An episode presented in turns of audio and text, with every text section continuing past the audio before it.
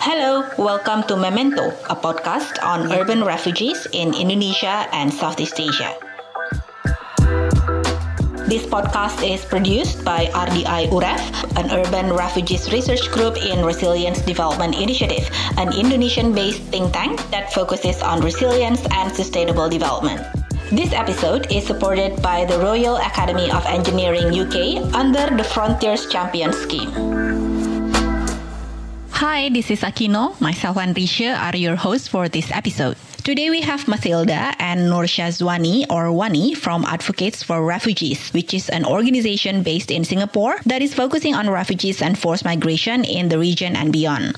Mathilda is the founder and partnerships coordinator in Advocates for Refugees. She has a Master of Development Studies from the University of New South Wales, Australia, and is a social service professional in Singapore. She is also a fellow of the Young Southeast Asian Leaders Initiative. Wani is now taking her PhD in the Department of Anthropology at the University of Pennsylvania. Her research interests revolve around questions of citizenship, violence, politics, refugee political subjectivity, and migration. She was a research associate at the Institute of Southeast Asian Studies in Singapore and a research coordinator at Advocates for Refugees Singapore. Mathilda and Wani, thank you very much for joining us today. Thank you so much. Uh, I was really happy to meet with new people always. Uh, so, my name is Matilda. I'm based in Singapore. Um, a few years ago, I actually uh, was studying overseas in Australia. And that was where I started learning about refugees back when I was still in Singapore. I think um, the issue, although has been ongoing for decades, it's not something that really was uh, that that I was aware of um, growing up. Uh, but when I went to the went to Australia and when I started getting more interested in human rights issues and gotten more understanding of Australia's um, treat, uh, Australia's treatment towards refugees and asylum seekers, that's how I started looking up a bit more and realizing that actually Southeast Asia also have our um, unique uh, refugee crisis or, or, like the issue with forced displacement is prevalent. Um, so how AFRSG actually came about, um, I should say it's AFRSG is uh, what it is today because of involvement of really a lot of people, but just to share how it came about in the beginning. So um, I was actually doing my master's in international development in at the University of New South Wales, and uh, I happened to chance upon an elective which is refugees and forced migration. So uh, I I really never didn't think very much of it just thinking, oh, it would be uh, an elective for me to understand a bit more about uh, that topic area. And, you know, lo and behold, uh, when I took that module, actually, that was when the 2015 uh, Andaman Sea crisis uh, happened. And so it was really like a reality for me because it was happening um, in real time, right? Uh, you're learning about like the theories about about the international frameworks uh, and regional frame, frameworks, and when you come down to the, an actual situation, you're seeing how countries are responding. Uh, so, un, in a, in a sense, um, it was a huge shock for me because, uh, firstly, it's very new to me, but uh, I realized that really it's not the first time it's happened, um, and then realizing that countries in the region are actually not quite uh, not quite equipped to respond or the, the response isn't really what we hope for. So there was the whole issue of them trying to disembark and they are being pulled out. Yeah the boats they're in are being pulled out into the open seas again. So there was this whole situation. So fast forward uh, after i completed my studies i came back to singapore. I really was very keen to continue pursuing this. Like what is something being done in Singapore about it? Can we do something from Singapore? So I, I started uh, AFR um, on, on a Facebook group really just to see if there were like-minded people that could come together and you know true enough uh, although um, singapore's a really small place but for for someone who's i guess away for a few years it, that was my way of trying to connect with people that could uh, possibly share similar interests and passions and then you know we could see what we could do. So uh, really, that was how AFR SG came about. And the objective really was to try to raise awareness about the situation because um, a lot of what we learn about, uh, I guess, the everyday citizen, we know about global issues through the me- through media, but the media also has a way of, um, I guess, filtering or, or priori- prioritizing certain information. Um, so you know we want to provide i guess an alternative means for people to learn about the situation and and then from there see how how um, citizens or really people just based in singapore can do uh, yeah so so that's that's a bit of the background of how I came into this and and also how AFR actually came about. My case with Matilda is kind of the same, but of course we started on different trajectories. Um, I guess I've always been passionate about social justice issues since I was young. Um, but the thing was that my work with refugees started like a few years back. Um, I was actually teaching um, as a what do you call it, junior college teacher, um, teaching history uh, back in 2016 2016 and then I was going to start on my master's program but then um, and you know my initial research master's uh, project was about Malay Muslim identities. And then what happened was that uh, like Matilda, the 2015 Andaman Sea crisis happened, and you know you see um, Singapore pushing boats away from the shores. And the same goes for like other Southeast Asian countries. And then the 2016 European refugee crisis also kind of um, erupted. And I just remembered feeling so bothered and so upset by the fact that we're not doing more than what we should.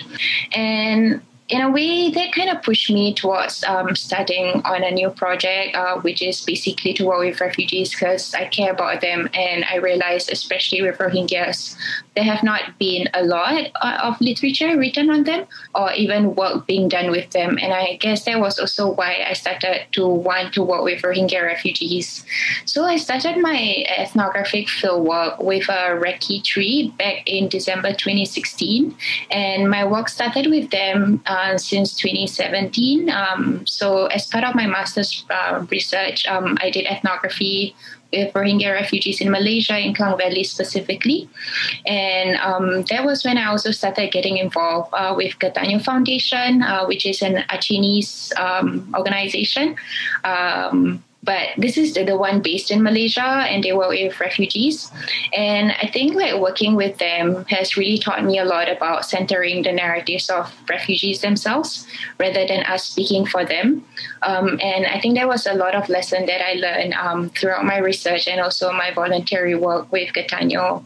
Um, but in my work with uh, AFR also started uh, back in, I don't know, I think 2017. I feel like I've known Matilda for so long.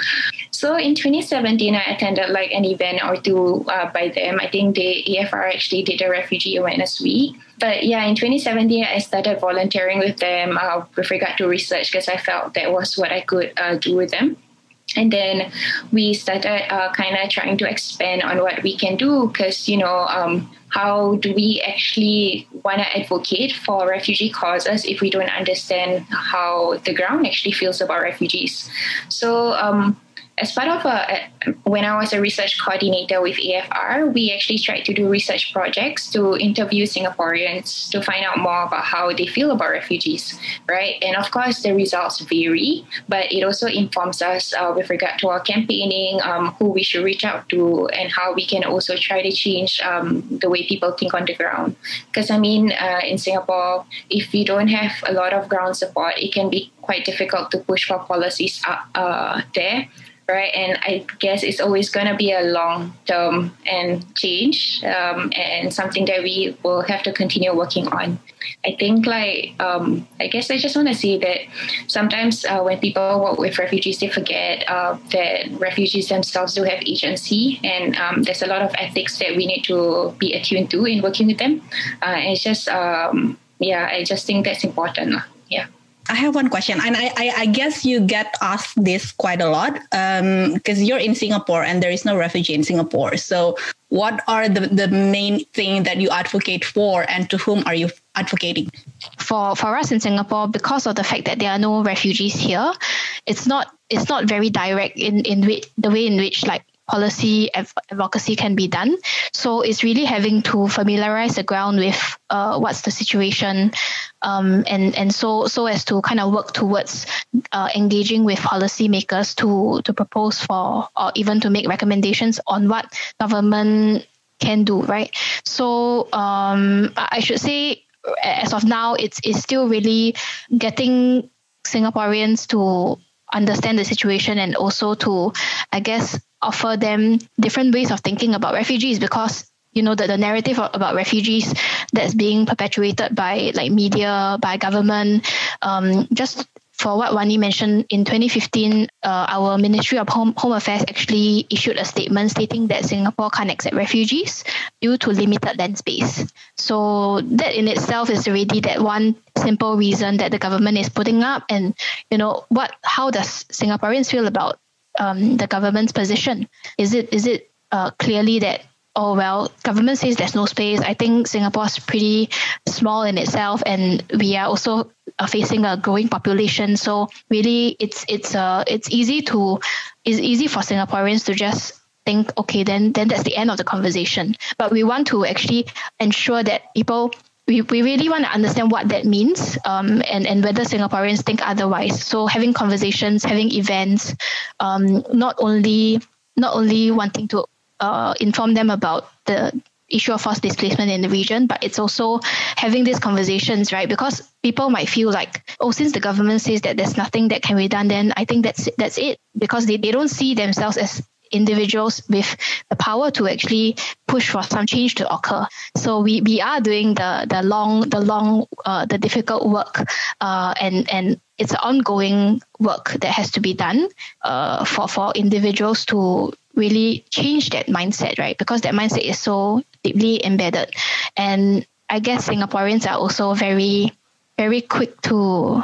Uh, I mean, we, we don't question enough. I think we don't question enough about what things are being said. Uh, so I, I guess in terms of advoc- advocacy, or even for us, uh, for AFR, we have engaged with policymakers uh, on several occasions in the past, including uh, asking our you know member of parliament whether we can raise certain questions in parliament regarding refugees and as it's not a domestic considered a domestic issue uh, so often it's not uh, very high on the agenda and and so it, it's difficult to continue having refugees in in part of our our the conversations right the day-to-day conversations so we want to actually keep having to do that and and work towards some form of a policy related change.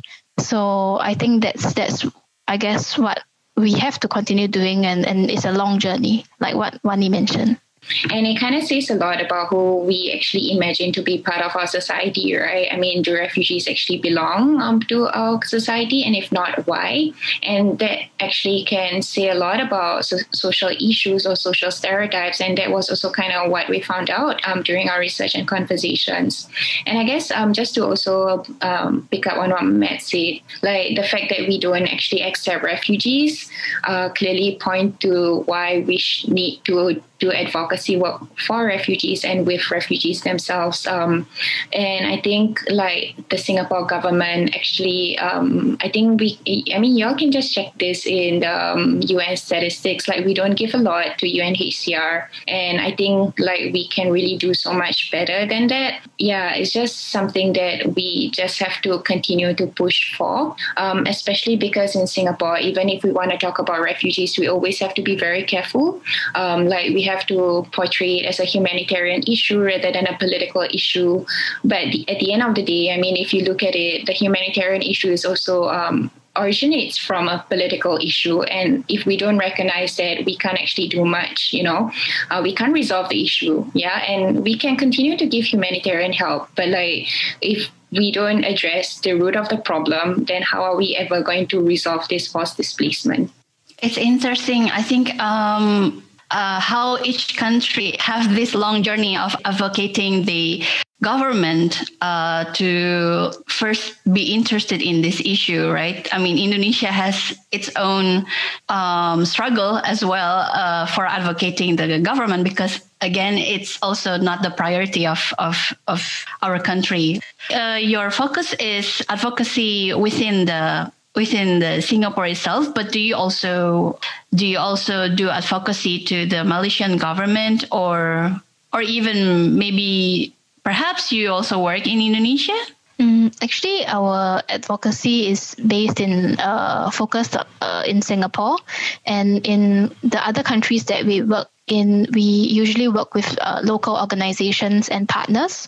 So, uh, like Wani mentioned, uh, Yayasan Geutanyoe or the Geutanyoe Foundation um, is uh, was firstly based in Aceh, and later they also uh, become became a registered organization in Malaysia. So it's important for us um, as uh, to to work with local partners because they have the local knowledge and they are also in better positions to advocate with the government and authorities. So I know that Geutanyoe, uh, Yayasan Geutanyoe has done uh, amazing work in terms of you know engaging with government ministries, uh, and it's important for them because when when they when they when there are certain issues concerning like large refugee populations, um, organ- organizations that are on the ground are in really in the better position to do that. Not not an external uh, body or, or group like AFR.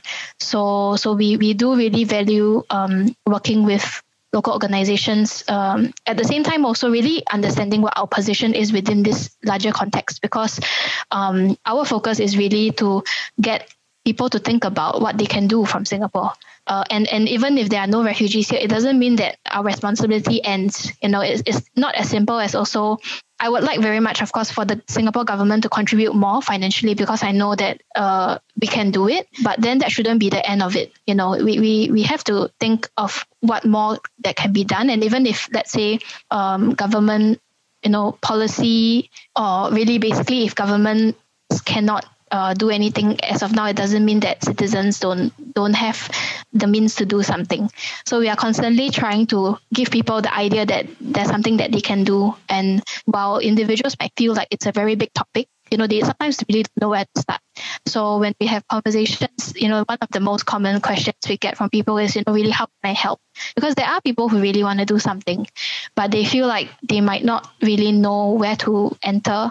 And for us, uh, for AFR, we again have been in the past few years networking with different organizations.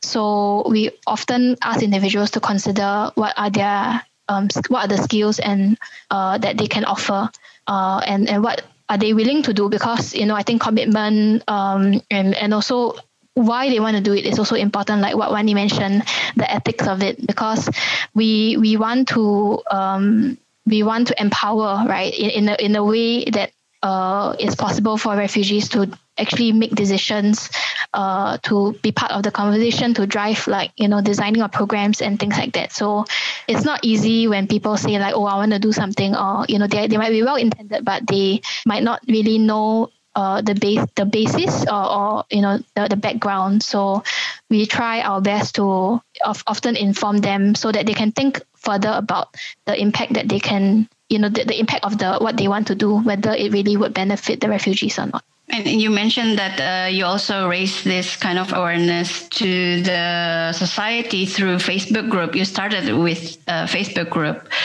Do you think that that worked? And like uh, whether you still use this uh, facebook group as a platform for you to communicate with the society in singapore about this issue and to raise awareness? Um, the facebook group really did uh, manage to bring people together and I guess as a as a platform to engage most of uh, the individuals who are interested in this issue in Singapore actually young the younger audiences. So you have like the the uni university undergraduates and also young working professionals. There are also individuals uh, from different age groups as well that are interested. So keeping a constant engagement with with the individuals or the or the members of that Facebook group is challenging because in a way it's it's always having to I guess have events to engage them on networking sessions or or really understanding why they are joining the group for. Are they there to look for uh, ways to contribute and volunteer or do they just want to be informed about what's happening? So you know sharing articles uh, and and also having individuals have the um, freedom to actually net- connect with each other and, and share ideas uh, and all that.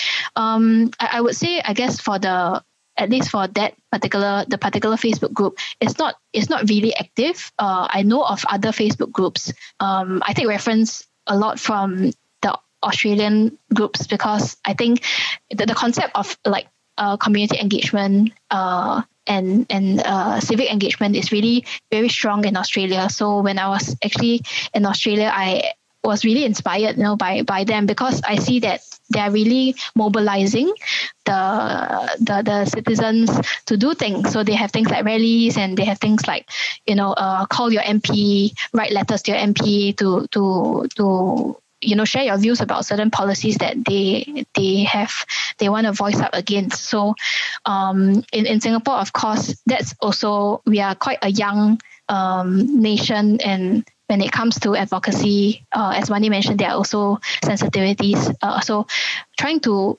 create that space for individuals to do that and know how to do that also takes uh, time.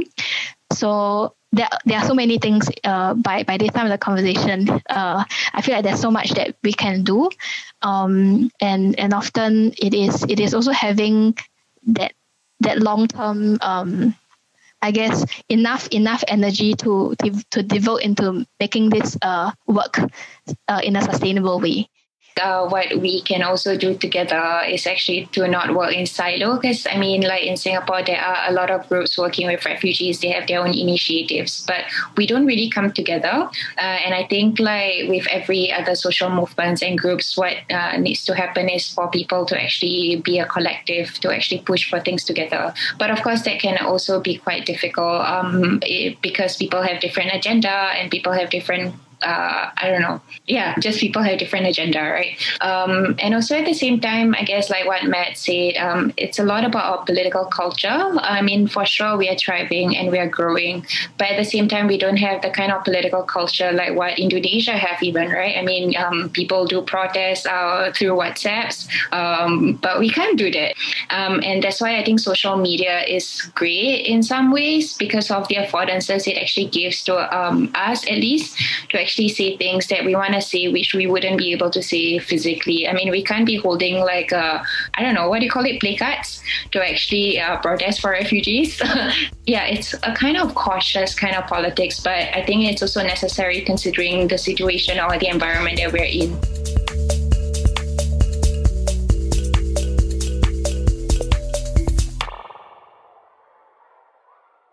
Uh, maybe can I uh, um, ask just a very basic question so that people who listen to who listen to this can also understand what what kind of programs or activities that you have in AFR um, SG. Um, that's the first one, and then the second one. I mean, you you you've you've started this since 2015, and so what kind of is is there any changes that you see um, throughout the last five years from the very first time you um, began this and then now um, is there any um, change in interest or um, in terms of understanding or awareness of the um, Singaporean maybe youth society? Uh, so yeah, as, as Wani mentioned earlier, she was formerly um, leading the research wing and um, the two other areas. Uh, I think another part of the lead the research team uh, is the legal research that w- that is uh, helmed by one of our members who's based in Bangkok. Uh, so the legal research team actually helps to do re- research for asylum claims. So it's doing background research on different countries, and you know that's something that um, our member um, Darren he believes that uh, you know you don't have to be based in in any refugee uh, receiving country to be able to do that work. So it can be remote volunteering, and so he actually trained out like uh, a team of of like vol- uh, volunteers to do that uh, like legal research. So aside from research, uh, there's also the the campaigns wing and also partnerships. So for the campaigns, um, we we have an annual refugee awareness week held in conjunction with World Refugee Day awareness can be done any time of the year, but uh, that that was uh, that refugee awareness week really came about shortly after AFR started. So the first one we had was in 2016, and every year when we have refugee awareness week, we kind of center it on a theme. So the last raw raw that we did was uh, last year in june and the theme was why bother so why bother right so we are like playing on the word border, as in the territorial borders, and also why care about refugees. And it's it's always having to be a bit, a bit creative, thinking of ways to to like really appeal to people, right, or to get them interested or, or curious about it. So that uh, that was during the pandemic, and of course, it was an online campaign, which was really interesting because uh, you know it's the first time everything uh, actually went online. Uh, at the same time, engagement is really different because some people still feel like they prefer in-person engagement. Um, so in terms of campaign, um, previously we've also had exhibitions and exhibition uh, the exhibition that we had was about um, the Rohingya crisis. So May 2015, they got uh, rescued by Acehnese fishermen. They were in Langsa, Aceh, and then volunteer groups from Singapore went over on several occasions. So uh, they actually put up uh, an exhibition. Um, and this exhibition actually ran to different locations, schools, and we also paired that with talks. So, you know, awareness campaigns uh, kind of fall um, under this uh, aspect. And then the third part is the partnerships. A lot of this awareness sometimes leads to, like what I mentioned earlier in the question of what people can do. So the way we have partnerships with organizations on the ground is really to learn from them, right? What what are their needs on the ground? We we are, we are not on the ground we don't know what are the ground realities the challenges that they face the needs they, they have so we don't also want to go in with the assumption that oh they just need certain things or uh, in in some cases people are always very keen to donate in kind donation but that's not something that we we believe in. So we really want to hear, uh, and through partnerships, we um, are able to, in in some cases, do crowdfunding for uh, our partner organizations. Uh, in in some cases, we want to provide um, volunteers that can volunteer their time, their skills. Um, yeah, so so these are the three areas: um, the campaign, the research, the uh, partnerships, and as for the second question, although Singapore is small, I would say that you know I'm always learning new things, uh, like new initiatives on the ground, like people people like having their own projects. So, uh, what one thing I observe in in the in this past five years is definitely people are still interested. This issue is something that's still relevant to to Singaporeans, to people here. Of course, we've had we've had like the individuals there are also educators um, mainly from international schools uh, in singapore not so much on like the like the government schools i, I don't know if there's a reason uh, for that um, but it might be due to the limited time they have and also very strict curriculum so and, and also one thing I noticed is uh, there's been a lot more research from undergraduates. Even in 20, 20 alone. Uh, everyone has to work from home and study from home, and, and everything is held online. I've actually had many conversations with undergraduates doing research regarding refugees. So that's really encouraging because it just means that people are speaking and, and thinking about it, and people are also um, realizing how much, how little research there, there are on refugees uh, in the region and specifically refugee related research from Singapore. So um, I, have seen that uh, it it is gaining momentum, but it is uh, slow. Um, so it would be good, as Wani mentioned, for I guess um, collectives working on this issue to come together to to really join uh, forces, right? To, to really push for maybe greater change there's really been a lot more people, especially younger people, interested in the issue of refugees and they want to study about it. Uh, sometimes, um, like Matt, I do have like students actually reaching out to actually ask about whether they can talk to me um, about refugee research or they want to find out more about refugees. And actually, I think just a month or two ago, um, someone uh, from uh, a university in Singapore, uh, she's a year four student. She wants to do research um, on refugees and she wants to do more uh, about refugees. And I think that's very heartening to know. And I guess also the same thing is that there have been a lot more events that I see that talk about refugees or forced displacement, at least in general. Um, and I think that's great. Um, so, of course, there's been some changes, but also there's been continuities with regard to the kind of environment that we can talk about them. Uh, but, like, you know, even with the Raw 2020, like the pandemic, um, when we did the event, I think what was also really heartening was actually being able to reach out to people who usually don't come for our events. Like we see new faces, um, and I think to some extent, virtual events can really do have its own benefits, and I think that's great because it's not just Singaporeans uh, who can attend. I mean, not just Singaporeans, not just people who are based in Singapore who can attend, but also people who are not based in Singapore who also at, attend. And I think one of the things that we were able to do during uh, this RAW was actually to also invite speakers who are actually not within Singapore, um, with uh, people who actually do have experiences of forced displacement. And I think that's a lot of um, I mean, that actually really perks up a lot of interest from people who have also never um, spoken to refugees, and I think uh, or people with lived experiences. So I think that's also one way in which um, there have been some changes with this pandemic. Um, uh, or at least uh, having an event during this pandemic. Um, and then, how does it impact your engagement with the government or or with the parliament? because because I think of course every country have a different way, um, but just from hearing what you describing uh, up until now, I feel that there's a lot of similarities um, with what's happening in Indonesia, even if we have like different contexts, different political culture, or whatever. But all of the things, almost all of the things that you describe, we also feel. Um, so maybe there's a something that we can learn from you guys. in terms of the government engagement, it's it's also also uh like a relations thing, right? Like building a relationship with with the policymakers, and so the the way that we have engaged with uh, Singapore's government uh, right from the beginning has been uh, with uh, one of our member of parliament. He is actually a strong advocate himself for various causes, including refugees. So we uh, had a volunteer um, mission that went to Aceh actually in 2016.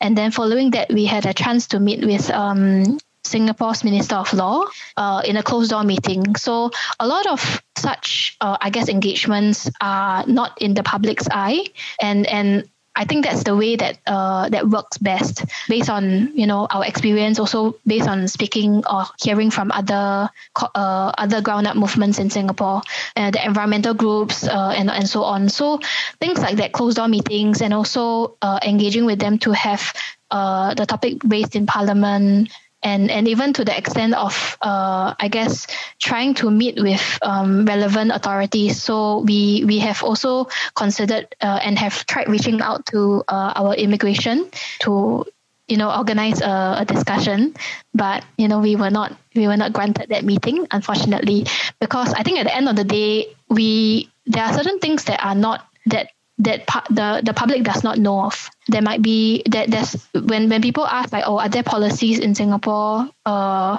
uh, what what's the refugee policy in Singapore? Like, there's there's nothing, right? We we don't know of any domestic policy, but at the same time, there you know in a way there are different ways of uh, how refugees uh, live and enter their host countries. So it, it, it is it is something that is not entirely preventable, right? Like refugees or people who in are in need of protection entering the country. So so this this borders the the the sensitivities that, that we earlier spoke about and and so I think this is something that requires us building relationships with government to gain their trust and to know what we are able to offer yeah, um, and maybe just to add on also, I guess we're also cognizant of the fact that, um, maybe not the fact, but the existence of some parts of Singapore um, that have been kind of exhibiting or expressing xenophobic um, uh, sentiments against uh, migrants. And I think, um, you know, uh, that's why it makes it so important also for us to be able to understand really how the ground actually feels about refugees or migrants or displaced people in general, just so that we can have an idea of how we can also campaign or change the way they think about certain things. Um, and which could also kind of lend more credence and support to our advocacy efforts. Lah. Yeah. All right, so that was Matilda and Wani um, from Advocates for Refugees um, in Singapore. I have one question for you, Ichi. What do you think is the most interesting points um, from this conversation today? I think there are many interesting points, but uh, okay, I'll point out one. Uh, I think um, among all like uh, other organizations that I have known. I think this is particularly interesting because uh, they are based in Singapore, and Singapore is um, not hosting refugees, but uh, I think Matilda and Wani and uh, fellows from Advocates for Refugees Singapore, I think they're very, uh, how to say, motivated to change, to advocate uh, even the government of Singapore, also to raise awareness of the society, um, because uh, since uh, they're not hosting refugees, I think like uh, one of the events that they mentioned, the Raw Refugee Awareness Week in 2020, they have a very interesting um, theme, uh, which is the Y border, and they also have the tagline here: um, "It doesn't affect me. Why should I bother?" I think that is really how to say that is really strong and deep uh, meaning. What about you? I think for me, it's the fact that they are young and they started with passion, um, knowing that it's a long journey ahead, especially with Singapore not accepting um, refugees, uh, which means that it's just a different way of uh, works or, or focus if the country is accepting refugees or not, right? Like if it's like Indonesia or not. So I think it's really interesting that they have a really strong passion when they started this and they have achieved so much. I mean, you you guys can see it from their website. It's a really great work that they um, that they do. And then they started with social media with Facebook um, and how they can utilize that social media to at least get the first um, I don't know, um, attention first volunteers or first um, people to engage and things like that um, which shows that it takes just one person to care, you know, and then you can um, develop like the whole things um, as you go forward with with with the work, um, and then you can achieve so much, right? So I think is something that I uh, I am really happy to see, and for me, very very inspiring and very encouraging as well um, in our works in UREF in RDI UREF as well. Because it's because the issue is so difficult it's so complex so that you you get discouraged sometimes right? Um, yeah. yeah so yeah. And the fact that they are uh, actually a volunteer based organization i think i mean despite being a, a, volunteer organization i think they are trying to do the work meaningfully they they try to explore different ways on how to out to reach people for example uh, and they also do research. Um, i think not every volunteer based organization do that uh, kind of work uh, deeply or or they try to be very meaningful about doing their works